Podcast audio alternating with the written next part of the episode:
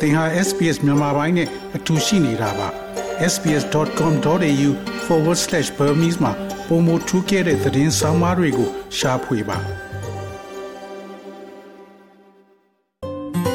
SBS မြန်မာပိုင်းကို အင်ကာနဲ့စနေနေ့ည10:00နာရီမှနားဆင်နိုင်တယ်လို့အွန်လိုင်းကနေလည်းအချိန်မီနားဆင်နိုင်ပါပြီ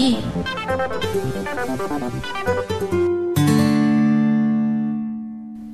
2022ခုနှစ်ဟာအင်မတန်မိုးများရေကြီးတဲ့နှစ်အဖြစ်လူတွေအမှားရကြမှာဖြစ်တယ်လို့ရာသီဥတုပြောင်းလဲဆိုင်ရာကောင်စီ Climate Council ကပြောဆိုလိုက်ပြီးဒီလိုလွန်ကဲတဲ့ရာသီဥတုဖြစ်စဉ်ကမပြီးဆုံးသေးဘူးလို့လည်းတတိပေးပြောဆိုလိုက်ပါတယ်။မနေ့တနင်္လာနေ့မှာထုတ်ပြန်တဲ့အစည်းအဝေးခန်းစာအရဩစတြေးလျနိုင်ငံမှာကြောက်မီသွေးရေနံစတဲ့စွမ်းအင်အသုံးပြုမှုကနေညဉ့်ညမ်းကာဗွန်ထုတ်လွှတ်မှုတွေကိုလျှော့ချပြီး renewable energy လို့ခေါ်တဲ့ ပြန်ပြည့်မြဲစွမ်းအင်တွေကို အသုံးပြုဖို့ လိုအပ်တယ်လို့ သတိပေးထားပါတယ်။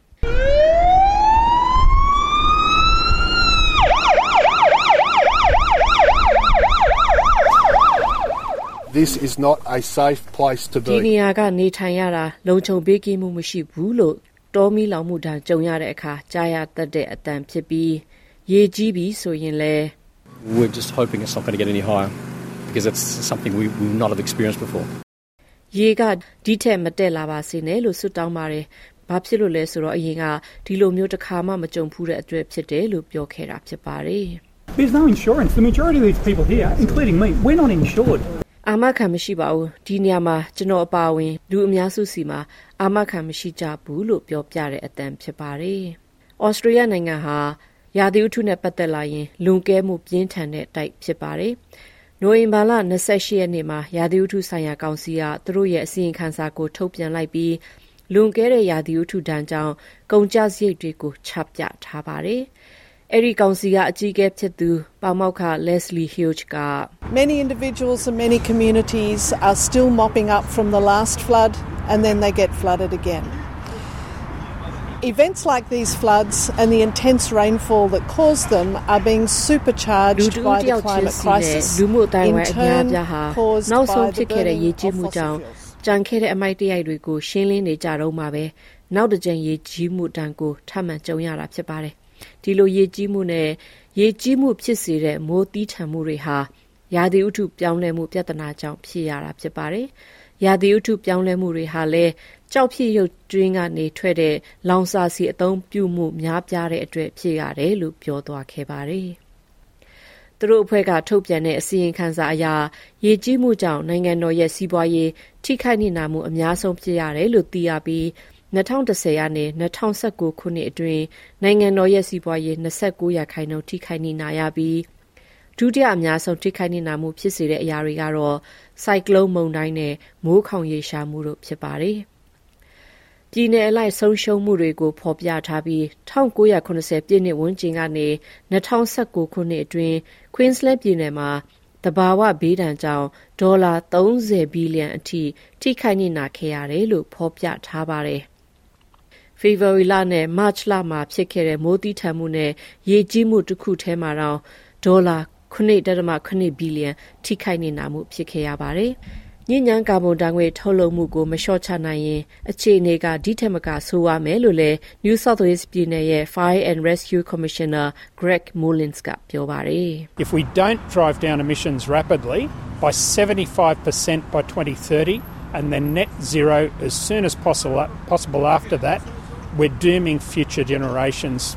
To a future that I can't imagine as a firefighter. ညဉ့်ညမ်းကာဗွန်ထုတ်လွှတ်မှုကိုတိတိတတ်တာမလျှော့ချနိုင်ရင်2030ခုနှစ်အထိ85ရာခိုင်နှုန်းမလျှော့ချနိုင်ရင်ပြီးတော့အဲ့ဒီနောက်ညဉ့်ညမ်းကာဗွန်ဓာတ်ထုတ်လွှတ်မှုလုံးဝမရှိတော့တဲ့အထိမလုံနိုင်ဘူးဆိုရင်တော့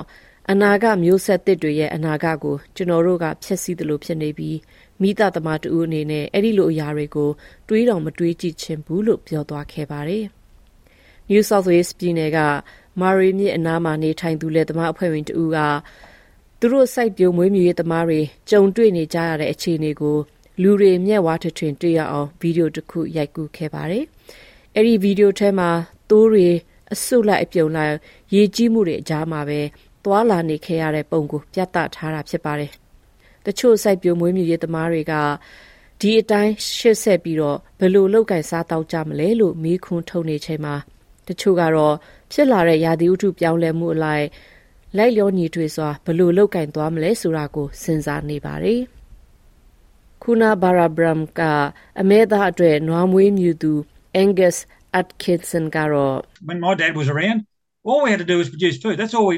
now we've got all the social environmental stuff that we also have to be part of and now climate's another one and so we've got another you know thing that i think that is a wonderful opportunity um, we certainly should be very um, uh, up front in the negotiations and how we're going to fix this stuff and a focus on food security is absolutely essential အစားအသောက်လေးလုံလုံလောက်လောက်ကျွေးနိုင်ဖို့အတွက်တခုပဲတွေးပူခဲ့ရပါတယ်အခုဆိုရင်တော့လူမှုရေးဆိုင်ရာတဘာဝပတ်ဝန်းကျင်ဆိုင်ရာအချက်တွေပါစဉ်းစားရပြီးအခုနောက်ထပ်ပိုတိုးလာတာကတော့ရာသီဥတုပြောင်းလဲရေးအတွက်ပါစဉ်းစားလာရတာပါပဲ အဲ့ဒါတွေကိုဖြည့်ရှင်းမှုတွေလုပ်ဖို့အတွက်ကျွန်တော်တို့မှာအခွင့်အလမ်းကောင်းတွေရှိတယ်လို့ကျွန်တော်ထင်ပါတယ်ကျွန်တော်တို့တွေပွပွင့်လင်းလင်းဆွေးနွေးပြောဆိုမှုလုပ်ပြီးဒီပြဿနာတွေကိုဘယ်လိုပြုပြင်မှုလုပ်ကြမလဲ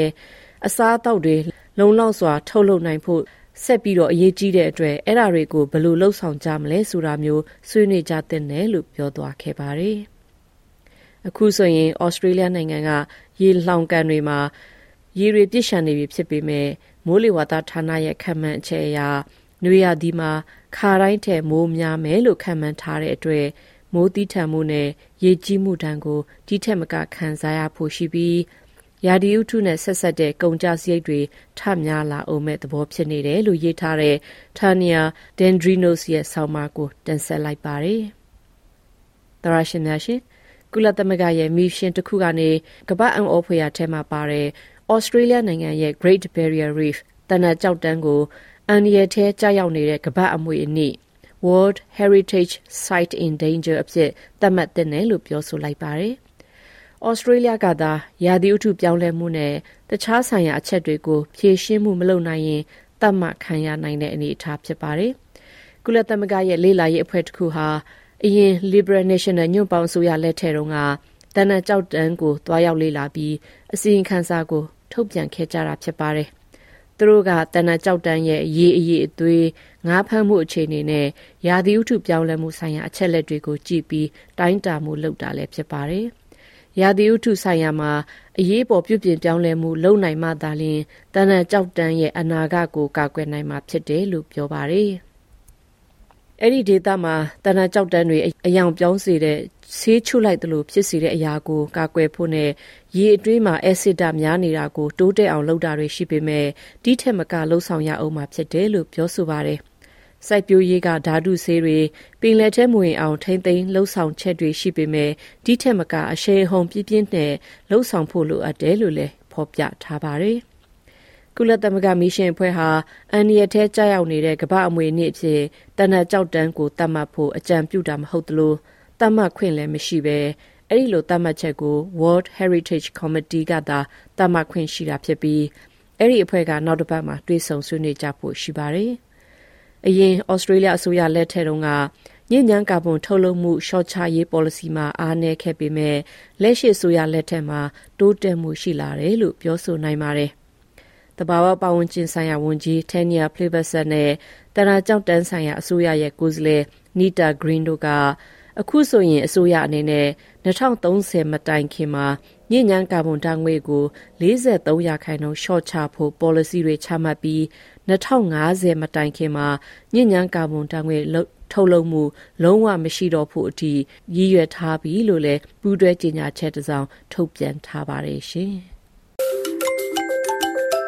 SBS မြန်မာပိုင်းကိုနားဆင်ရတာနှစ်သက်ပါတလား Facebook မှာဆွေးနွေးမှုတွေကိုဆက်ကြရအောင်ပါ SBS မြန်မာပိုင်း Facebook ကို like လုပ်ပြီးတော့သင်ချင်တဲ့ချက်ကိုမျှဝေနိုင်ပါတယ်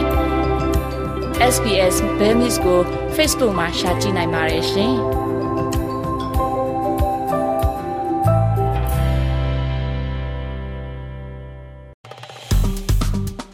SPS မြန်မာပိုင်းကို Facebook ပေါ်မှာ like ရှာပြီး like မျှဝေမှတ်ချက်ပေးပါ